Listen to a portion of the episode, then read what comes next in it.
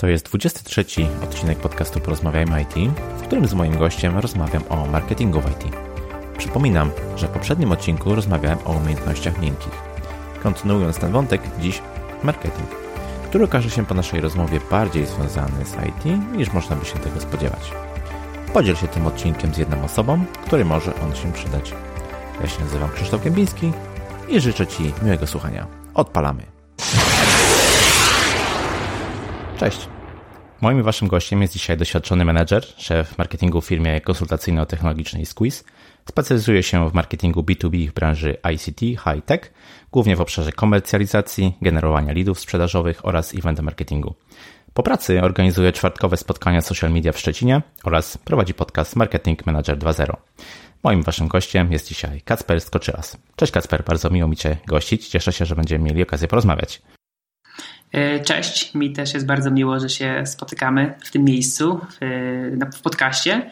E, witam wszystkich słuchaczy. Mam nadzieję, że to, co Wam dzisiaj będę opowiadał, e, troszkę bardziej otworzy Wam, może nie oczy, bo zakładam, że już coś tam wiecie o marketingu jako takim szeroko pojętym, ale troszkę Wam ustrukturyzuje wiedzę w obszarze marketingu, głównie właśnie marketingu w IT. Dokładnie. Dzięki Kasper za przedstawienie. Kasper specjalizuje się właśnie w marketingu w IT i to będzie przedmiotem naszej rozmowy. Myślę, że spróbujemy troszkę odczarować tą branżę dla ludzi z, z IT. Świetnie. Ok, Kasper, ja zawsze rozpoczynam od takiego pytania wprowadzającego, czy słuchasz podcastów i jeśli tak, to jakich najczęściej? E, tak, szczerze mówiąc, stałem się fanem słuchania podcastów już jakieś, można powiedzieć, 2-3 lata temu. Przede wszystkim polubiłem ten format i tą formę zdobywania wiedzy, bo podcasty są dla mnie taką formą edukacji, można powiedzieć, ostatnio jedną z najpopularniejszych i najprzyjemniejszych, dlatego że można je słuchać wszędzie, dlatego że nie ma ograniczenia i mogę na przykład sobie przysłuchać kilka godzin odcinków jakiegoś mojego ulubionego podcastu jadąc na rowerze podczas treningu, jadąc do pracy w samochodzie, czy na przykład lecąc samolotem. Także jest to bardzo wygodne. E, I wydaje mi się, że bardzo, bardzo mocno ta forma zyskuje na popularności. Nawet chyba w sumie nie wydaje mi się, bo widzę, że to się dzieje. E, także jakby poszedłem za, za, tym nurtem i też zacząłem swój podcast yy, nagrywać, bo, bo tak jak wspomniałem, bardzo lubię ten format. A z podcastów, które słucham obecnie najczęściej i, najbardziej staram się być w miarę na bieżąco, to jest na pewno Mała Wielka Firma, który był w sumie moim pierwszym podcastem, od jakiego zacząłem swoją przygodę z tym formatem. Następnie Michał Szafrański, Więcej niż oszczędzanie pieniędzy. Tutaj jednak pierwszy był blog, później wszedł podcast, ale Michała tak naprawdę śledzę już od bardzo, bardzo dawna i jakby ta ewolucja tak trochę naturalnie zmieniła się, w sensie ewolucja w tym, w jaki sposób jego treści pochłaniam, się zmieniła i po prostu od bloga do, do właśnie wideo, potem podcasty. Jakby bardzo mocno to staram się wszystko e, łączyć, jeżeli chodzi o konsumpcję tych treści. Później rozmowy B2B Igora Bielobratka. Jestem wielkim, wielkim fanem. E, tutaj publicznie nawołuję Igora, żeby wrócił do nagrywania, bo ostatnio dawno nie było żadnego nowego odcinka. E, później z takich branżowych jeszcze nie tylko design, stacja IT, podcast Pawła Sali e, z Freshmaila i Jacek Kłosiński, czyli takie tematy około marketingowo-komunikacyjne, ocierające się o user experience, o design. Super, cieszę się bardzo, że też jesteś zafascynowany e, tą formą i postaram się podlinkować wszystkie te podcasty, o których wspomniałeś później w dotatce do tego odcinka. Ok, Kacper, czy zawsze wiedziałeś, że marketing to jest to, co chcesz robić?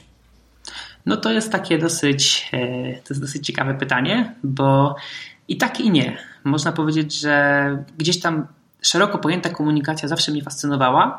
Kiedyś, w sumie bardzo wcześnie, bo już na drugim roku studiów zacząłem pracę w agencji marketingowej, która zajmowała się organizacją takich eventów offline, eventów z hostessami w marketach, gdzieś w outdoorze, na terenie różnych miast, na terenie województwa zachodniopomorskiego.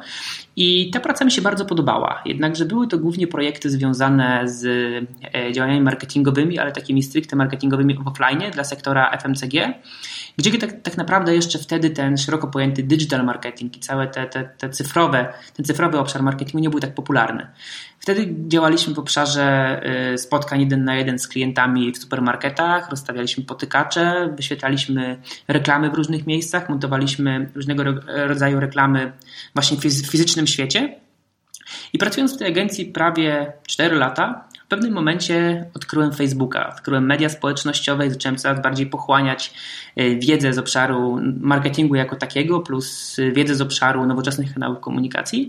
I tak zacząłem się jakby interesować tym marketingiem. Także ta moja droga była taka troszkę, można powiedzieć, naturalna, organiczna, gdzie z, tego, z, tej, komunikacji w świecie realnym przeniosłem się powoli do, tego, mm, do tej komunikacji w świecie y, digital. I później, jak już zacząłem pracę w agencji, gdzie obsługiwałem właśnie klientów z sektora IT, zacząłem zajmować się prowadzeniem projektów y, szeroko pojętego digital social media, no to uznałem, że to jest coś, co bardzo, bardzo bym chciał robić. No i od tego czasu już te kolejne kilka lat pogłębiam swoją wiedzę w tym obszarze nieustannie.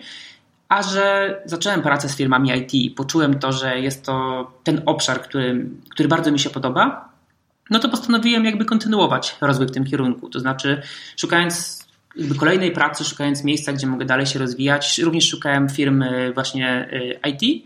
No i tak trafiłem do swojej obecnej firmy, gdzie, gdzie teraz pracuję, gdzie odpowiadam za komunikację marketingową na, na polskim rynku. Jest to firma Squeeze, o której na początku wspomnieliśmy. E, no i praca z firmami z sektora ICT jest dla mnie o tyle ciekawa i, i, i pełna wyzwań, że jest to branża, która się bardzo mocno rozwija, rozwija, jest bardzo dynamiczna, jest duże pole do popisu, zwłaszcza w takim IT B2B, gdzie mówimy o sprzedaży dużych kontraktów za czasami wiele milionów złotych że postanowiłem w tym kierunku pójść. W tym kierunku teraz się rozwijam, czytam, edukuję i, no i pracuję już od też jakiegoś czasu, od ponad już e, 3,5 roku. Także myślę, że zdecydowanie teraz marketing już jest tym, co chcę robić i jestem tego e, pewien. Jednakże, tak jak, tak jak, tak jak słyszeliście, tak ta historia jakby troszkę zaczęła się gdzie indziej, ale myślę, że teraz jestem w tym miejscu, w którym e, chcę być już w przyszłości teraz i, i chcę się rozwijać. Mhm, mhm. Brzmi to fajnie. E, ja myślę, że dla słuchaczy tego podcastu marketing to ciągle jest taka trochę egzotyka. E, być może przez takie niekoniecznie pozytywne konotacje związane z marketingiem jako pojęciem, to postaramy się oczywiście tutaj właśnie e, odczarować i ty jesteś taką osobą, która jest e, z jednej strony marketingowcem, a z drugiej strony gdzieś tam blisko, blisko IT, więc myślę, że, że masz pojęcie o tych dwóch światach. I chciałbym, żebyśmy mm, powiedzieli o tym, czym jest ten nowoczesny marketing, o którym zacząłeś e, mówić, bo wydaje mi się, że jest to dziedzina, która niezwykle mocno przyspiesza w ostatnich latach i poza tym jest e, często silnie związana z technologią. Więc e, jakbyś mógł powiedzieć, czym jest ten nowoczesny marketing obecnie? Wiesz co, to jest takie dosyć podchwytliwe pytanie, bo generalnie moim zdaniem marketing jest jakby jeden. Marketing jest stały, niezmienny od lat. E, nawet jak pisał Kotler w swoich książkach i, i wszyscy inni guru marketingu, jest to szeroko pojęty proces e, społeczny i zarządczy, dzięki któremu konkretne grupy i osoby otrzymują to, czego potrzebują e, i pragną poprzez tworzenie, oferowanie i wymianę posiadanych wartości i towarów pomiędzy firmami, organizacjami, ludźmi. I generalnie marketing jako taki moim zdaniem się nie zmienił. Zmieniły się przede wszystkim narzędzia, które wykorzystujemy w marketingu. Wciąż y, rolą marketera jest postanowienie, postawienie w samym centrum jakby komunikacji człowieka, klienta, jego potrzeb i odpowiadanie na te potrzeby, tylko robimy to po prostu w inny sposób. Więc y, to, że marketing, nowoczesny marketing się różni od poprzedniego, można powiedzieć, nie wiem, starodawnego marketingu, wynika tylko i wyłącznie z tego, że zmieniły się narzędzia i sposób komunikacji z odbiorcami. Nie jakby główne zasady marketingu. Ale dlaczego to się stało? Przede wszystkim dlatego, że bardzo mocno y, rozwinęły się obecnie szeroko pojęte technologie marketingowe, o czym y, później pewnie będziemy troszkę więcej rozmawiać. Zwiększył się udział kanałów digital w komunikacji i przede wszystkim zmieniły się, e, zmienił się sposób funkcjonowania odbiorców, bo tak naprawdę to, że nowy marketing, powiedzmy, nazwijmy to tak, nowy marketing, marketerzy wykorzystują nowoczesne kanały, nie wynika z tego, że mają takie fanaberie, że nagle chcą używać Facebooka, e-mail marketingu, e, LinkedIna czy innych kanałów, tylko wynika to z tego, że użytkownicy te kanały wykorzystują, że ich klienci są w tych miejscach. E, I, i, i tak naprawdę dla mnie nowy, nowy marketing to tak naprawdę jeden marketing, tylko w takim troszkę nowocześniejszym, odświeżonym wydaniu, gdzie zwraca się uwagę na nowe kanały, na potrzeby, na nowe pokolenia, które wchodzą, e, wchodzą do, które funkcjonują na rynku i które mają inne potrzeby. E, I to określenie wydaje mi się, że wynika z tego, z tej jakby sumy tych wszystkich czynników, które mają wpływ na to, jak marketing jest postrzegany obecnie. Mhm. Czy po prostu klienci są obecnie w troszeczkę innym miejscu i marketing musi za tym podążać, stąd jak gdyby adoptowanie się do właśnie, tak jak powiedziałeś, Facebooka, tak, LinkedIna i nowych technologii. Mhm. Klienci oczekują tego, że firmy tam będą po prostu. To nie jest tak, że Orange e, na przykład uruchomiło mm, komunikację, e, obsługę swoich kanałów na Facebooku przez Messengera, dlatego, bo uznali, że to jest fajne. Zrobili to dlatego, że klienci pisali na tym Messengerze i oczekiwali rozwiązywania tam sprawy, więc oni wyszli naprzeciw tym potrzebom. I, mhm. I, tak to funkcjonuje. Najczęściej zmiany w marketingu wynikają ze zmieniającego się rynku i zmieniających się potrzeb e, użytkowników, odbiorców komunikatów.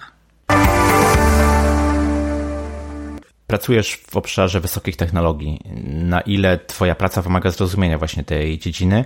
I tutaj też pytanie, czy jesteś takim, wiesz, technologicznym geekiem, który, który podąża dosyć szybko za nowinkami technologicznymi?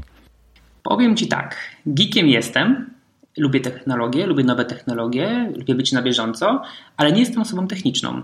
W sensie nie jestem y, inżynierem z wykształcenia, nie jestem programistą, ale nie mam problemu z tym, żeby o tych wszystkich rzeczach rozmawiać. Mam tutaj na myśli to, że w dzisiejszych czasach marketerzy, nawet jeżeli nie są techniczni, muszą być świadomi to, tego, że rynek marketingowy się, marketingowy się bardzo mocno zmienia, że coraz więcej jest y, jakby oczekiwań względem ludzi specjalizujących się w marketingu, właśnie w kontekście nowych technologii. Ostatnio kiedyś czytałem nawet jakiś artykuł, że ludzie, którzy idą do pracy dzisiaj w marketingu, myślą, że będą uczestniczyć w burzach kreatywnych, spotkaniach, gdzie będą wymyślać koncepcje na kolejne projekty i, i formy promocji czy, czy, reklamy do jakiegoś produktu, a często się kończy tak, że ta praca jest takim troszkę, mówiąc kolokwialnie, dziubaniem przy komputerze i wygląda bardzo podobnie jak praca programisty w jakimś software house czy, czy w jakiejś agencji interaktywnej.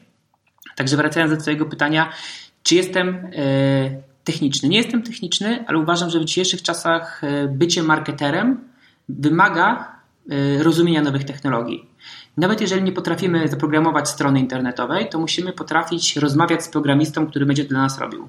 Jeśli nie potrafimy na przykład stworzyć jakiegoś, zarządzać na przykład bazą danych w systemie CRM, ok, nie musimy tego umieć, ale musimy wiedzieć, jak o tym rozmawiać, żeby coś takiego wdrożyć, żeby coś takiego zaimplementować, poprowadzić tego typu projekt. Bo coraz więcej e, pracując w marketingu widzę z projektów, które po prostu wymagają od e, marketera rozumienia tego, jak to funkcjonuje. Nawet jakichś totalnych takich podstaw, żeby rozumieć, czym są CSS-y, jak działają relacje między jakimiś bazami danych, dlaczego to wygląda tak, a nie inaczej, jakieś podstawy logiki. Wiesz, takie rzeczy, które e, kiedyś jeszcze były totalnie, totalnie nie w kompetencjach działu marketingu.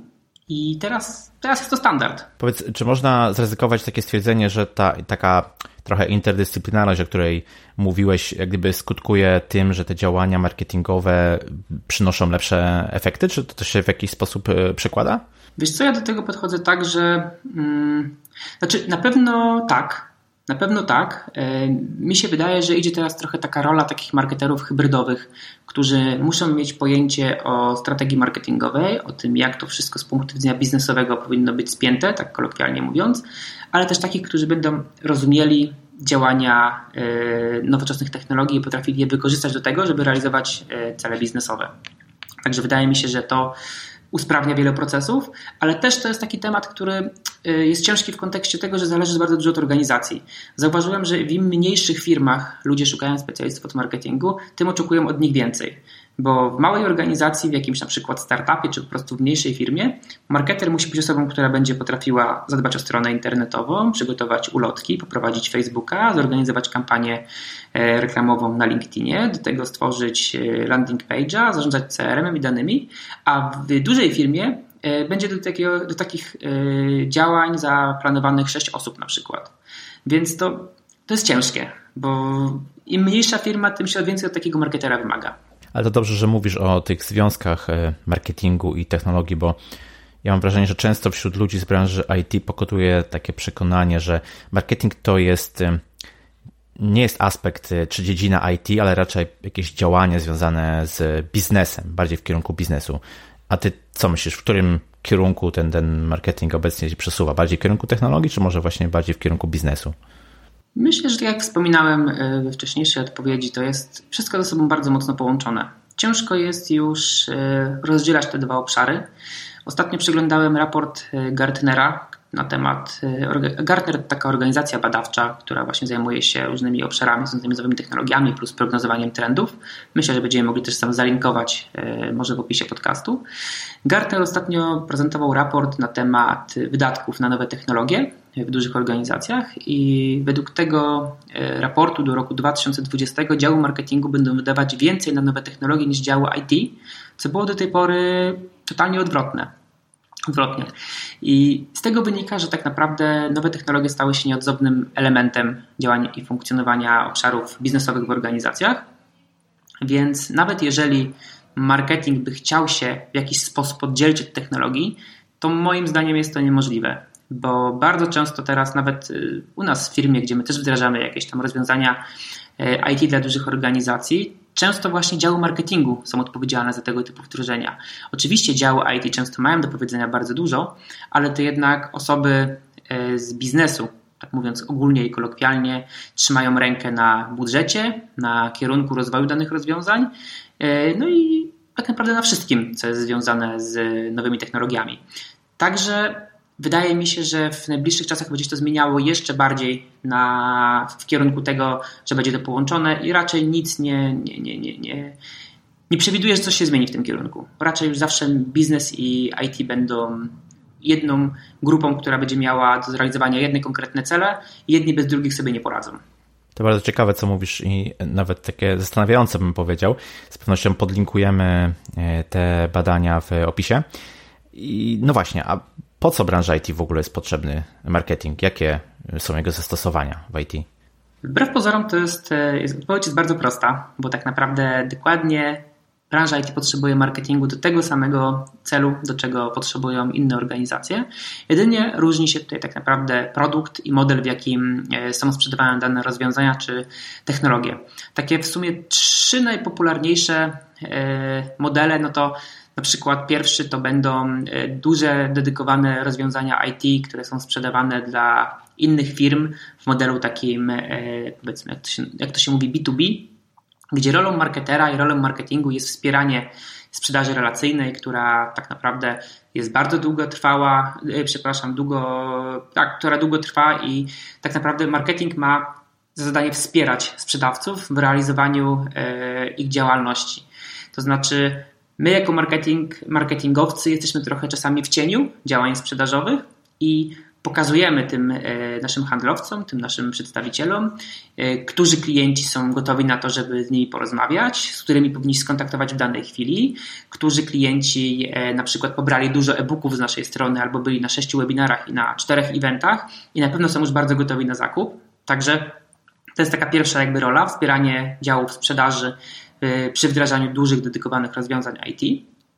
Drugi y, model to jest oprogramowanie SaaSowe, które często, najczęściej sprzedawane jest właśnie y, w chmurze, które wymaga całkowicie innego podejścia do marketingu, gdzie marketer musi skupiać się bardzo, bardzo mocno na optymalizacji konwersji na samej stronie internetowej, na tym, aby udostępniać potencjalnym klientom darmowe konta, te tak zwane triale, gdzie potencjalny klient może sobie rozwiązanie potestować, zobaczyć, czy spełnia ono oczekiwanie, jego oczekiwanie i w tym czasie e, dbać o to, żeby klient był zadowolony, żeby spełnić wszystkie jego potrzeby, żeby w danym momencie, kiedy musi podjąć decyzję zakupową, podjął ją na naszą korzyść. E, I finalnie jakby wszystko to dzieje się jeszcze, jeszcze bardziej online, często bez w ogóle e, wsparcia człowieka, na dobrym przykładem tego, jak to wygląda, jak, jak te, taki model wygląda, można sobie wyobrazić, jest Brand24, nasz polski system do monitoringu internetu, gdzie generalnie większość sprzedaży, większość tej konwersji, tak mówiąc po marketingowemu, dzieje się e, na stronie. E, kolejny model to sprzedaż oprogramowania w oparciu o siatkę resellerów, dystrybutorów, gdzie rola marketingu jest też już zupełnie inna. Jest to rynek e, B2C, na którym tak naprawdę się z, tych, e, z tej całej listy znam najmniej, jednak że gdzieś tam słyszałem, jak to wszystko funkcjonuje i też jakby model, model wsparcia działań marketingowych jest zupełnie inny od, od tych poprzednich. E, no i to są chyba takie najbardziej popularne z tego, co, z tego, co, z tego, co kojarzę i które tutaj mi się wydaje naj, najlepiej jest wspomnieć modele. I tak naprawdę marketing wszędzie odgrywa inną rolę, ale finalnie dążymy do tego samego, czyli do wsparcia firmy w realizacji sprzedaży, wsparcia firmy w odpowiednim komunikowaniu e, wartości e, produktu, który rozwiązuje najczęściej różnego rodzaju problemy potencjalnych klientów. I taka jest nasza rola. Dzięki za tą kompleksową odpowiedź. Wspomniałeś już wcześniej, że zakres obowiązków marketera w małej firmie w stosunku do dużej może się dosyć znacząco różnić. Czy jest jakaś różnica w podejściu do marketingu jako do działań w małym startupie w stosunku do jakiejś powiedzmy ugruntowanej firmy na rynku IT? E, tak, oczywiście to zależy bardzo mocno tak naprawdę od tego, w którym momencie my jako marketerzy wejdziemy do danej firmy. Bo inaczej będzie wyglądało to, kiedy razem z założycielem startupu ruszamy z małą firmą i musimy wszystko to co jest związane z marketingiem, sprzedażą e, i szeroko pojętym biznesem uruchomić, żeby to w ogóle działało. A inaczej będzie to wyglądało, kiedy przychodzimy do dużej organizacji, gdzie już te wszystkie procesy marketingowe funkcjonują, jest gotowa strategia, gotowy plan i, i tak naprawdę naszą rolą jest egzekucja tego, co zostało wymyślone albo stworzone i zarządzane przez na przykład dział marketingu w innym kraju, w innym miejscu na świecie. E, jednak generalnie, jakby tak to zebrać mm, w jedną listę, to szereg działań będzie wbrew pozorom bardzo podobny. Za każdym razem my, jako marketerzy, musimy skupić się na tym, e, kim jest grupa docelowa. Musimy dobrze ją zidentyfikować, określić i ciągle pracować nad optymalizacją tego, do kogo kierujemy nasz komunikat, komu chcemy sprzedać nasz produkt. Musimy potrafić rozwiązać e, z punktu widzenia marketingowego, musimy wiedzieć, jak, jak produkt, usługa, którą sprzedaje firma, w której pracujemy, rozwiązuje pro, problem naszych klientów. Musimy myśleć o tym wciąż, jaka jest e, propozycja wartości tego, co robimy i myśleć, jak ją sensownie komunikować w oparciu o kanały, którymi dystrybuujemy. Jest to ciągła analiza rynku, dbanie o tą tak zwaną customer journey, czyli ścieżkę, jaką, e, jaką przechodzi klient w relacji z naszą firmą. I na końcu oczywiście prowadzenie tych działań e, marketingowych w oparciu o dostępne kanały i narzędzia. Jednak jak widzisz, zanim dojdzie do tego do tego, do tego, do, tej, do tej tworzenia tej komunikacji marketingowej, wykorzystania tych wszystkich kanałów i narzędzi, musimy przejść bardzo, bardzo dużą drogę, właśnie y, poświęcić ten czas na analizę odpowiednich, e, analizę odpowiednich grup docelowych, przygotowanie tych komunikatów. I wiele jest takiej pracy warsztatowej więc y, zawsze jak marketer wchodzi do nowej firmy albo zaczyna pracę z jakąś mniejszą firmą, musi skupić się przede wszystkim na analizie firmy, rynku, produktów, analizie biznesowej, odkryciu, y, e, analizie mocnych i słabych stron, a dopiero później na, tego, na podstawie tego stworzyć jakąś strategię marketingową, która będzie e, w odpowiedni sposób komunikowała, komunikowana. To przejdźmy teraz do technologii, czyli ukochanego tematu słuchaczy tego podcastu. E, powiedz proszę, co to są technologie marketingowe i gdybyś mógł podać jakieś przykłady najczęściej stosowanych? Jasne. Technologie marketingowe, czyli tak zwane MarTech, Marketing Technologies, to jedna z chyba najbardziej dynamicznie rozwijających się dziedzin obecnie e, rynku, jeżeli chodzi o marketing. Polecam zajrzeć do takiego raportu e, mapy technologii marketingowych, e, która bardzo fajnie pokazuje rozwój tego obszaru. W roku 2011 bodajże na tej mapie było około 150 rozwiązań. Dzisiaj mamy ich około 7000.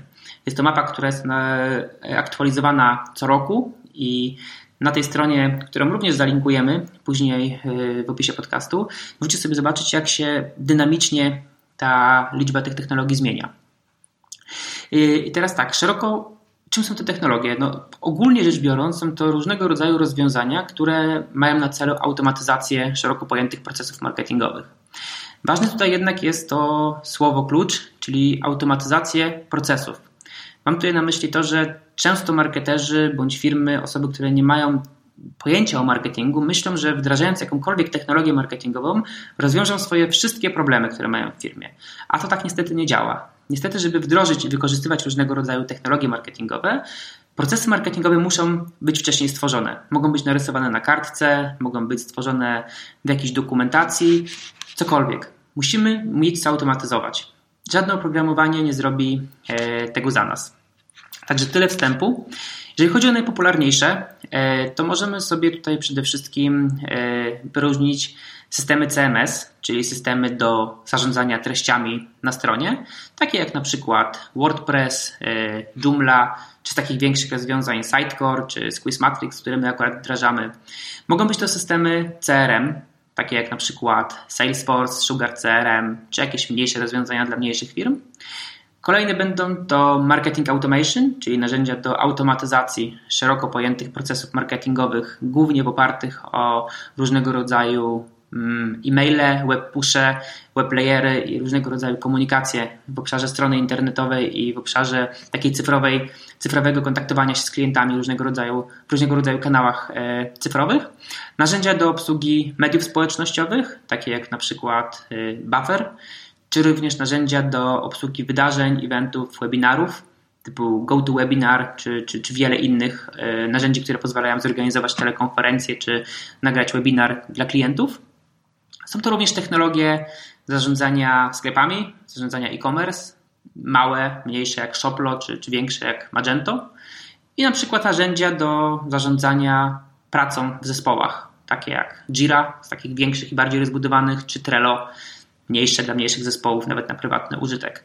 Jednak tu jest y, bardzo ciekawy trend, bo powstaje coraz więcej nowych technologii, które starają się zautomatyzować i uprościć inne obszary działań marketingowych i komunikacyjnych, takie jak na przykład y, narzędzia do y, automatyzacji działań PR-owych, jak na przykład nasze polskie Prowly, czy różnego rodzaju na przykład narzędzia do analizy rynku, do optymalizacji zarządzaniem na przykład słowami kluczowymi w reklamach AdWords. Także jest tego naprawdę cała masa. I tylko tak naprawdę od marketerów i od firmy zależy, jakie narzędzia będzie wykorzystywało, będą, będą wykorzystywane. Bo tak jak wspomniałem na początku, kluczowe jest e, zidentyfikowanie tego, e, do czego będziemy tych narzędzi potrzebować, a dopiero później wybrali te, które są najbardziej dopasowane do naszych potrzeb i oczekiwań, nigdy odwrotnie. Mhm, faktycznie bardzo dużo tych przykładów podałeś i dokładnie to, to co powiedziałeś na końcu myślę jest bardzo istotne, żeby dobierać rozwiązanie do, do problemu, a nie, a nie odwrotnie, nie próbować na siłę po prostu stosować jakichś narzędzi tylko dlatego, że są modne. Tak, to jest okay. bardzo duży problem. To jest bardzo duży problem. Nawet podczas czwartków social media wielokrotnie już przez ponad 5 lat e, zapraszałem ludzi z różnych firm i rozmawiałem z nimi na temat e, problemów czy wyzwań, jakie mają, towarzyszą mi w codziennej pracy. I bardzo często słyszę, że właśnie ludzie e, zaczynają z czegoś korzystać, i robią to tylko dlatego, bo teraz jest to modne, bo o tym się mówi na Facebooku, ale kompletnie nie mają pojęcia, w czym ma to im pomóc, jakie procesy, czy, czy jaką pracę mają to ułatwić. Także dobra mhm. analiza i przygotowanie się do takiego wyboru takiego narzędzia jest kluczowe, zarówno w małej firmie, jak i dużej. Okej. Okay. Kasper, nieodzownym etapem projektowania nowoczesnych rozwiązań informatycznych jest UX, czyli User Experience. Czyli to, w jaki sposób użytkownik pracuje z danym rozwiązaniem, jakie ma odczucia z tego wynikające, cała ta otoczka. W marketingu e, mówimy o czymś takim jak e, customer experience, e, co jest pojęciem powiedzmy pośrednio powiązanym z user experience. Mógłbyś powiedzieć, co kryje się pod tym pojęciem? Tak, szeroko pojęte customer experience to jakby ogół wszystkich kontaktów i relacji na linii my, firma, a nasz klient. E, jest to wszystko to, czego klient doświadcza e, w styku z naszą marką. I naszą rolą jako marketerów jest dbanie o to, żeby to doświadczenie było jak najlepsze. Można powiedzieć, że jest to obszar, który kiedyś był bardzo mocno oddzielony od marketingu, to znaczy mówiło się o tym, że są specjaliści od e, UX, User Experience, którzy zajmują się tymi, tym powiedzmy, tymi doświadczeniami klienta. No i jest dział marketingu, który sobie robi te swoje wszystkie działania marketingowe tak mówiąc ogólnie. Teraz to się zmieniło y, w tym kierunku, że w bardzo wielu firmach, tak samo jak w przypadku IT, to właśnie marketing najmocniej współpracuje z działem UX, z działem CX, czyli Customer Experience i wspólnie y, w zespole zastanawiają się nad tym, jak poprawić zadowolenie klienta w poszczególnych obszarach, w których, są, w których obszarach są największe problemy, gdzie klient, ma, gdzie klient jest najbardziej zadowolony, gdzie jest najmniej zadowolony i rolą marketingu jest reagować tak, żeby e, ten klient po prostu był zadowolony w tych najbardziej kluczowych momentach, które tak najczęściej e, są tak naprawdę kluczowymi elementami, jeżeli chodzi o sprzedaż produktu, usługi e, dla klienta. Tak jak już powiedziałeś, obecnie wiele działań marketingowych jest prowadzonych w social mediach. Facebook, Instagram, Twitter czy LinkedIn to mam wrażenie coraz częściej są już narzędzia biznesowe. Mm, chciałbym Cię zapytać, co było pierwsze? Czy te technologie zrodziły nowe możliwości dla marketingu, czy też może marketing ciągnie za sobą rozwój technologiczny? Oczywiście, że te technologie stworzyły nowe możliwości dla marketingu, ale tak jak wspomniałem na początku, z punktu widzenia e, po prostu nowych kanałów dotarcia, nowych e, narzędzi do rozmawiania e, z klientami, bo media społecznościowe tak naprawdę nie jest tak mówiąc ogólnie nic nowego. To jest przeniesienie relacji face to face między ludźmi do internetu. I marketing jako dziedzina musiał po prostu zareagować na te nowe kanały i nie mógł próbować rozmawiać z ludźmi za pomocą ulotek, widząc, że ludzie rozmawiają ze sobą za pomocą komunikatorów. Także media społecznościowe e, są obecnie jednym z najbardziej kluczowych kanałów e, marketingowych i powinny być zawsze w każdej strategii marketingowej traktowane bardzo e, priorytetowo, jeżeli oczywiście nasza grupa docelowa tam jest, ale tak jak wspomniałem, tylko i wyłącznie wtedy, jeżeli nasi klienci rozmawiają w mediach społecznościowych. I to się bardzo mocno zmienia, nawet widać to po czwartkach social media, y, że powiedzmy 5-6 lat temu media społecznościowe były takim boomem. Wszyscy mówili tylko o social mediach, zapominając o tym, że są one tylko jakimś tam małym elementem komunikacji marketingowej i nie powinny być traktowane jako jakiś osobny byt. Ja zawsze staram się tłumaczyć ludziom, z którymi współpracuję, że nie traktuj mediów społecznościowych jako czegoś totalnie osobnego, odrealnionego od tego, co się dzieje w organizacji. Traktuj social media jako element całościowej strategii marketingowej i zastanawiaj się, jak je wykorzystać w kontekście tego, co robisz w innych kanałach. I wydaje mi się, że takie pojęcie jest jedynym, jedynym słusznym, bo no, nie sposób traktować mediów społecznościowych jako osobnego bytu i być jakby zadowolonym z efektów, tak? Czyli kolejny raz ta zasada, że wykorzystujmy te narzędzia, które potrzebujemy i no, bądźmy spójni w tej komunikacji różnymi kanałami, a nie e, wykorzystujmy jakieś tymczasowe mody. Okej. Okay. Um, a Kacper, pewnie zgodzisz się ze mną, że w większości branż do przeprowadzania takich skutecznych działań marketingowych potrzebne są dane i wiedza o rynku, o, o klientach, jak oni się zachowują. Niekiedy przypuszczam, że są to całkiem duże zbiory danych. Na ile rozwiązania typu, nie wiem, business intelligence, big data, machine learning są obecnie wykorzystywane przez marketerów? Z tymi obszarami jest o tyle ciekawie, że wszyscy wiedzą o tym, że są potrzebne. Co druga konferencja poświęcona jest big data, machine learning, e, business intelligence, ale jeszcze w wielu organizacjach e, marketerzy, dział IT nie używają tych danych. W sensie mają jakiś plan, wiedzą co chcą osiągnąć, ale czasami ta ilość procesów i to skomplikowanie tych działań w oparciu o, o, o te obszary jest tak trudna i tak czasochłonna, że miną jeszcze myślę miesiące, lata, kiedy będzie to standardem. Jednakże trzeba powiedzieć, że te obszary, o których wspomniałeś, są obecnie kluczowe, jeżeli chodzi o personalizację e, i komunikację w oparciu o wielokanałowość. Także bez wykorzystywania danych, bez wykorzystywania nauki maszynowej, rozwój, e, pewien jakby rozwój marketingu nie będzie w pewnym momencie możliwy. Także, aby przeskoczyć na ten wyższy level, marketerzy będą musieli wykorzystywać dobrze analitykę, wiedzę o klientach, e, danych, zbieranie tych danych i jeszcze ich dobre wykorzystywanie, na przykład poprzez e, analizę w jakichś systemach CRM, które będą, które będą te dane agregowały i wyciągały jakieś wnioski. I na tej podstawie będą marketerzy musieli realizować swoje kampanie, dalsze działania, bo najgorsze w marketingu jest realizowanie e, działań w oparciu o tak zwaną zasadę misie, czyli mi się wydaje. Jest to temat, który już od wielu, wielu lat jest e, dużą bolączką marketerów, e, zwłaszcza w firmach, które nie mają rozbudowanych działów odpowiedzialnych za analizę, ale to się będzie musiało zmienić. Jeżeli firmy będą chciały e, w pewnym momencie wskoczyć, tak jak wspomniałem, na wyższy poziom działań marketingowych, to te obszary właśnie machine learning, big data, business intelligence będą musiały być wdrożone i wykorzystywane. Czyli znowu wracamy do początku. Marketerzy muszą mieć jakąś tam wiedzę techniczną, żeby umieć o tych danych rozmawiać, nimi zarządzać i wyciągać właściwe wnioski po odpowiedniej analizie. Fajnie, że podałeś konkretne przykłady na to. Mm, a według Ciebie po co programistom, testerom, administratorom wiedza o marketingu? To, za co powiedzmy oni dostają pensję, to są twarde jakieś umiejętności e, techniczne, programowania, testowania, zarządzania serwerami. E, czy według Ciebie ta grupa zawodowa może skorzystać na co dzień z wiedzy marketingowej? Mi się wydaje, że każda grupa może w jakiś sposób e, skorzystać z wiedzy marketingowej. W przypadku programistów to jest o tyle ciekawe, że patrząc na przykład na to, jak to wygląda w takich firmach jak nasza, firmach powiedzmy technologiczno-doradczych, to bardzo często osoby, które są dobrymi programistami, są w stanie awansować ze względu na to, że mają troszkę więcej doświadczenia z innych obszarów.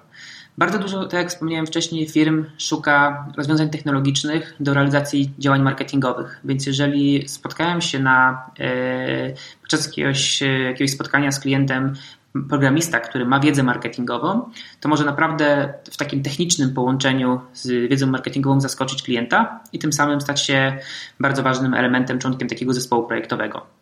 Czyli punkt pierwszy, przede wszystkim rozwój. Rozwój z punktu właśnie widzenia e, znalezienia pracy, e, e, rozwoju wewnątrz organizacji, to jest punkt pierwszy. Druga kwestia to jest świadomość tego, co się robi. Wiele technologii, które są wykorzystywane, które są realizowane przez programistów, są to technologie w jakiś sposób związane z działaniami marketingowymi. Mam tutaj na myśli, e, że będą później to, co programista napisze, to, co programista stworzy, będzie w jakiś sposób później wykorzystywane w marketingu. Także na pewno będzie łatwiej im się programowało pewne procesy, pewne obszary, strony internetowe czy aplikacje, wiedząc po co to robią. Punkt drugi. E, punkt kolejny to przede wszystkim dla dobudowania własnego wizerunku w sieci, zwłaszcza programiści idealnie w tym jakby środowisku się odnajdują.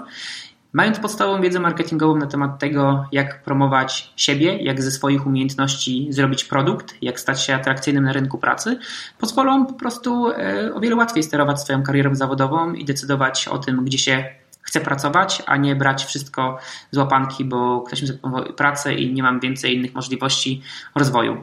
Także myślę, że generalnie wiedza marketingowa jest e, dla programistów bardzo przydatna. Nie musi ona być na jakimś bardzo, bardzo zaawansowanym poziomie, ale tak samo jak marketerzy muszą znać podstawy e, technologiczne w obszarze, którym się na co dzień poruszają. Tak samo uważam, że programiście nie zaszkodzi znać jakieś totalne, nawet podstawy marketingu, które ułatwią mu komunikowanie się z innymi, budowanie swojej marki w sieci, tworzenie jakiegoś swojego na przykład dobrego profilu na LinkedInie, czy promowania swoich treści w mediach społecznościowych, które ułatwią mu znalezienie nowej pracy, na przykład. Także wydaje mi się, że ta grupa może bardzo mocno skorzystać na takiej wiedzy, a wiedza marketingowa jest w tej chwili bardzo, bardzo łatwa do zdobycia, bo zarówno YouTube, zarówno masa blogów, czy to polskich, czy amerykańskich, czy w ogóle zagranicznych, oferuje taką wiedzę za darmo. Także to jest kwestia poświęcenia czasami kilku godzin miesięcznie, kilku wieczorów na obejrzenie jakiegoś filmiku, czy poczytanie kilku artykułów i najczęściej taka osoba e, techniczna nie będzie miała problemu z tym, żeby te podstawy marketingu znać i wykorzystywać w swojej codziennej pracy i życiu. To jest bardzo ciekawe, co powiedziałeś, bo ja coraz częściej widzę i obserwuję takie odejście od definicji programisty jako tylko klepacza kodu, który, który tak powiedzmy bezmyślnie ten, ten kod produkuje.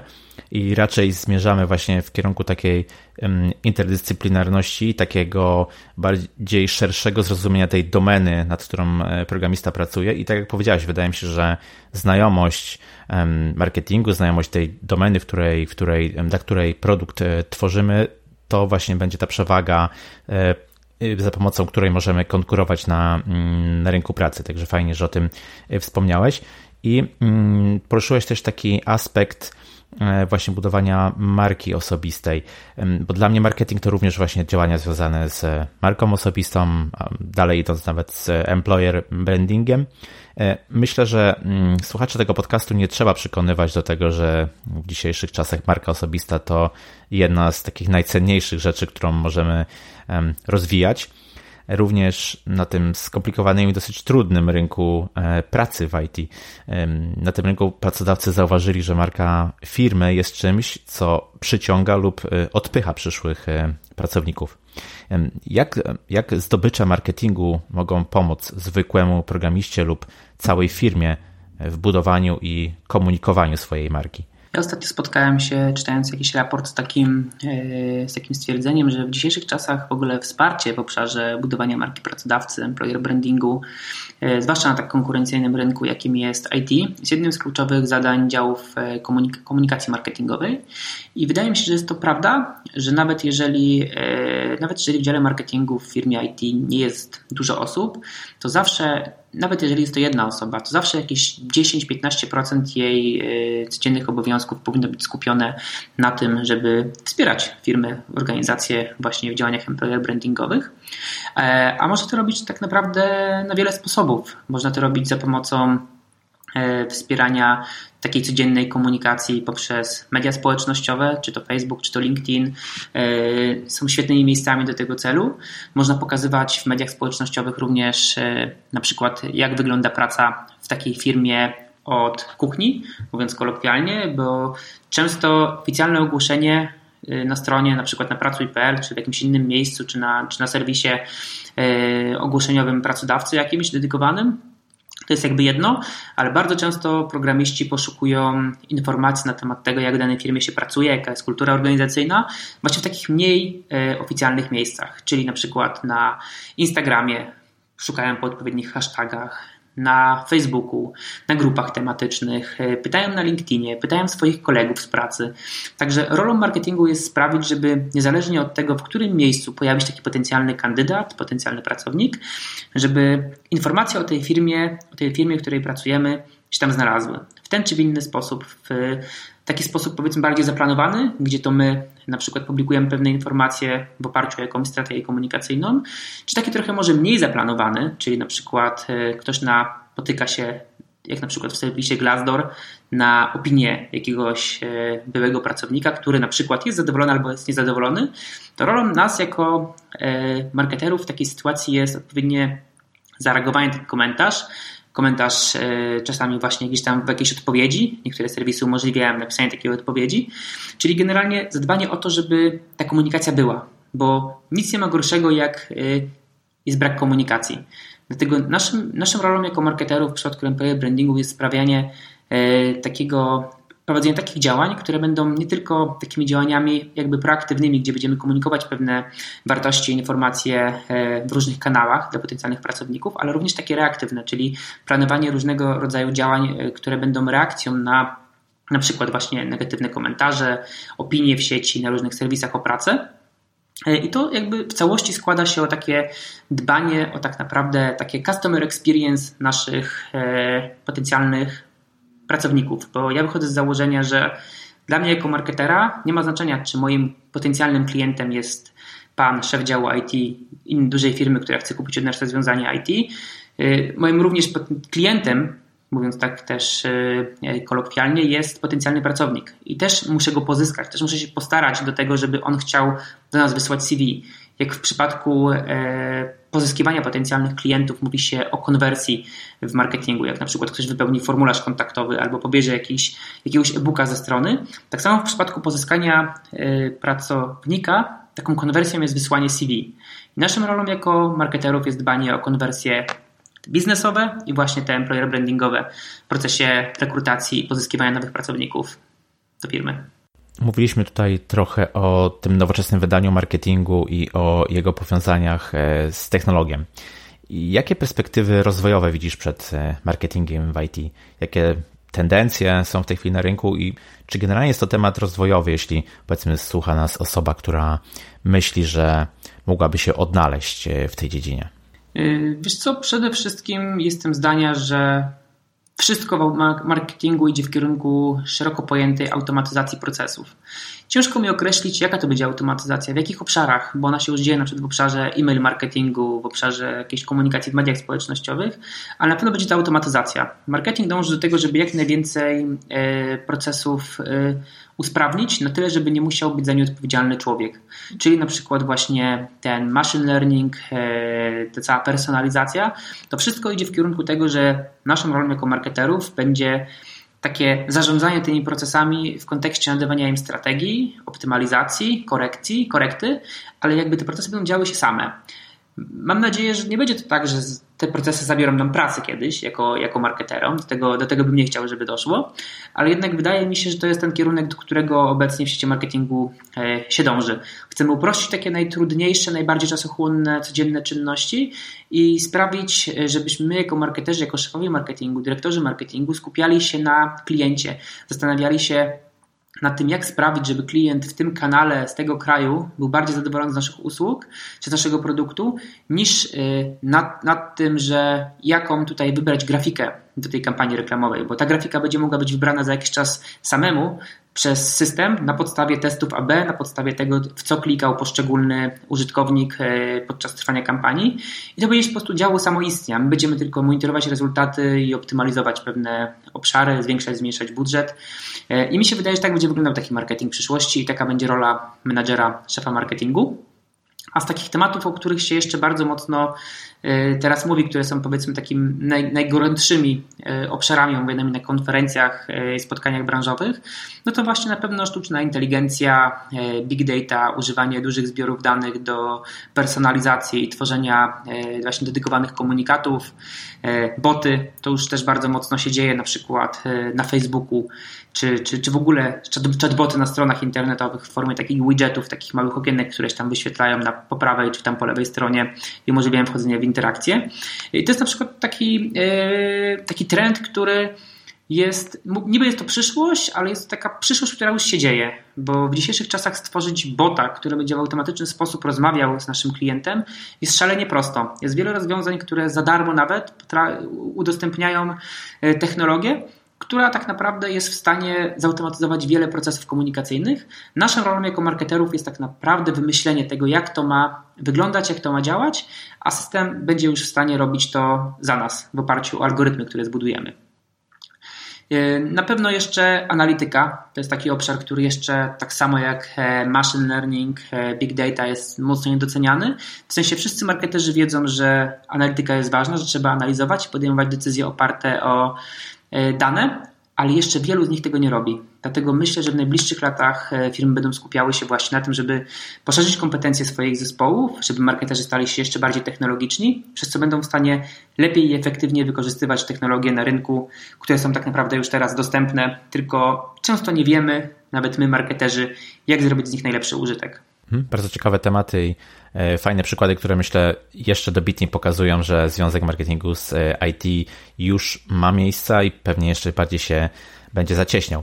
No i właśnie, Kacper, tak już na koniec, zareklamuj proszę marketing dla ludzi, którzy są w branży IT.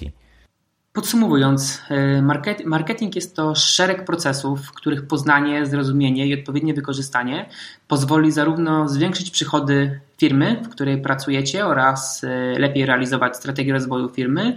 Natomiast jeżeli jesteście właśnie programistą, freelancerem, dzięki poznaniu podstaw, tajników marketingu będziecie w stanie lepiej budować e, swój profil jako potencjalnego pracownika czy freelancera i dzięki temu e, być atrakcyjniejszym, mówiąc tak kolokwialnie, kąskiem na rynku e, pracy. Podstawowe takie zasady marketingu, które chciałbym, żeby wszyscy słuchacze tak mieli gdzieś z tyłu głowy, jak skończą słuchać tego podcastu, to jest punkt pierwszy. Poznaj dobrze swoją grupę docelową. Punkt drugi. Zbadaj, czego ta grupa oczekuje, jakie mają potrzeby, jakie mają problemy. Następnie zidentyfikuj, jaki, e, w jaki sposób ten problem rozwiązywany jest przez nasz produkt, usługę, a dopiero znając te wszystkie e, wcześniejsze e, obszary, wybierz odpowiedni komunikat i kanał marketingowy i zacznij komunikację. Świetnie, super Kacper, Ci e, bardzo dziękuję. Myślę, że trochę odczarowaliśmy i zareklamowaliśmy marketing dla ludzi z IT. Pokazaliśmy, że jest to po prostu użyteczne narzędzie, a wiedza z tego zakresu może tylko pomóc. I pokazaliśmy też, że te związki marketingu z IT są już silne, a będą jeszcze silniejsze pewnie w przyszłości. Ja Tobie bardzo dziękuję za poświęcony czas, za tą rozmowę. Oczywiście te wszystkie rzeczy, o których mówiłeś, e, podlinkujemy w notatce. I tak już na koniec, gdybyś mógł powiedzieć, gdzie Cię można znaleźć w internecie. E, tak, zanim podam te miejsca, to też bardzo dziękuję za zaproszenie. Cieszę się, że mogłem tutaj kilka słów powiedzieć, podzielić się gdzieś tam swoim doświadczeniem w obszarze marketingu. Także bardzo dziękuję za zaproszenie. Jeżeli natomiast chodzi o miejsca e, w internecie, to na pewno najszybciej jest wejść na stronę www.kacperskoczylas.pl, która jest takim moim miejscem w sieci. Oprócz tego wpisując Kacper Skoczylas na Facebooku czy LinkedInie, również się na mój profil prawdopodobnie trafi, bo jest on publiczny i z tych profili już bardzo łatwo będzie można znaleźć mój podcast Marketing Manager 2.0 czy informacje o czwartkowych spotkaniach social media w Szczecinie. Także generalnie nawet wpisując w Google, jeszcze podsumowując Kacper Skoczylas, to na pewno na któreś z powyższych miejsc się trafi. Świetnie, zapraszamy. Dzięki Kacper, do usłyszenia, cześć. Hej, dzięki. I to na tyle z tego, co przygotowałem dla Ciebie na dzisiaj. Myślę, że rozumiesz już, czym jest nowoczesny marketing i jak mocno związany jest obecnie z technologią. Warto byś wiedział coś z tej dziedziny, bo tak jak Kacper powiedział, może to stanowić o Twojej przewadze na rynku pracy. Jeśli słuchasz tego podcastu na stronie, to kliknij w link subskrybuj podcast na górze i zasubskrybuj ten podcast. W ten sposób każdy nowy odcinek wyląduje w Twoim telefonie i będziesz go mógł posłuchać w drodze do pracy, szkoły czy podczas biegania. Bardzo Ci dziękuję za wysłuchanie. Dziękuję za kolejne oceny w iTunes i aplikacjach do słuchania podcastów. Jeśli masz jakieś pytania, komentarze albo propozycje co do kolejnych odcinków, a może czujesz się na siłach, żeby wystąpić w jednym z kolejnych epizodów, zapraszam do kontaktu ze mną pod adresem krzysztofmałpa.porozmawiajmy Taki kontakt jest dla mnie niezwykle cenny, żeby przekonać się i upewnić, czy korzystasz z tego podcastu i czy praca nad nim ma sens. Z góry wielkie dzięki. Ja się nazywam Krzysztof Kępiński, a to był odcinek podcastu Porozmawiajmy o IT, o marketingu w IT. Zapraszam do kolejnego odcinka już za dwa tygodnie. Cześć!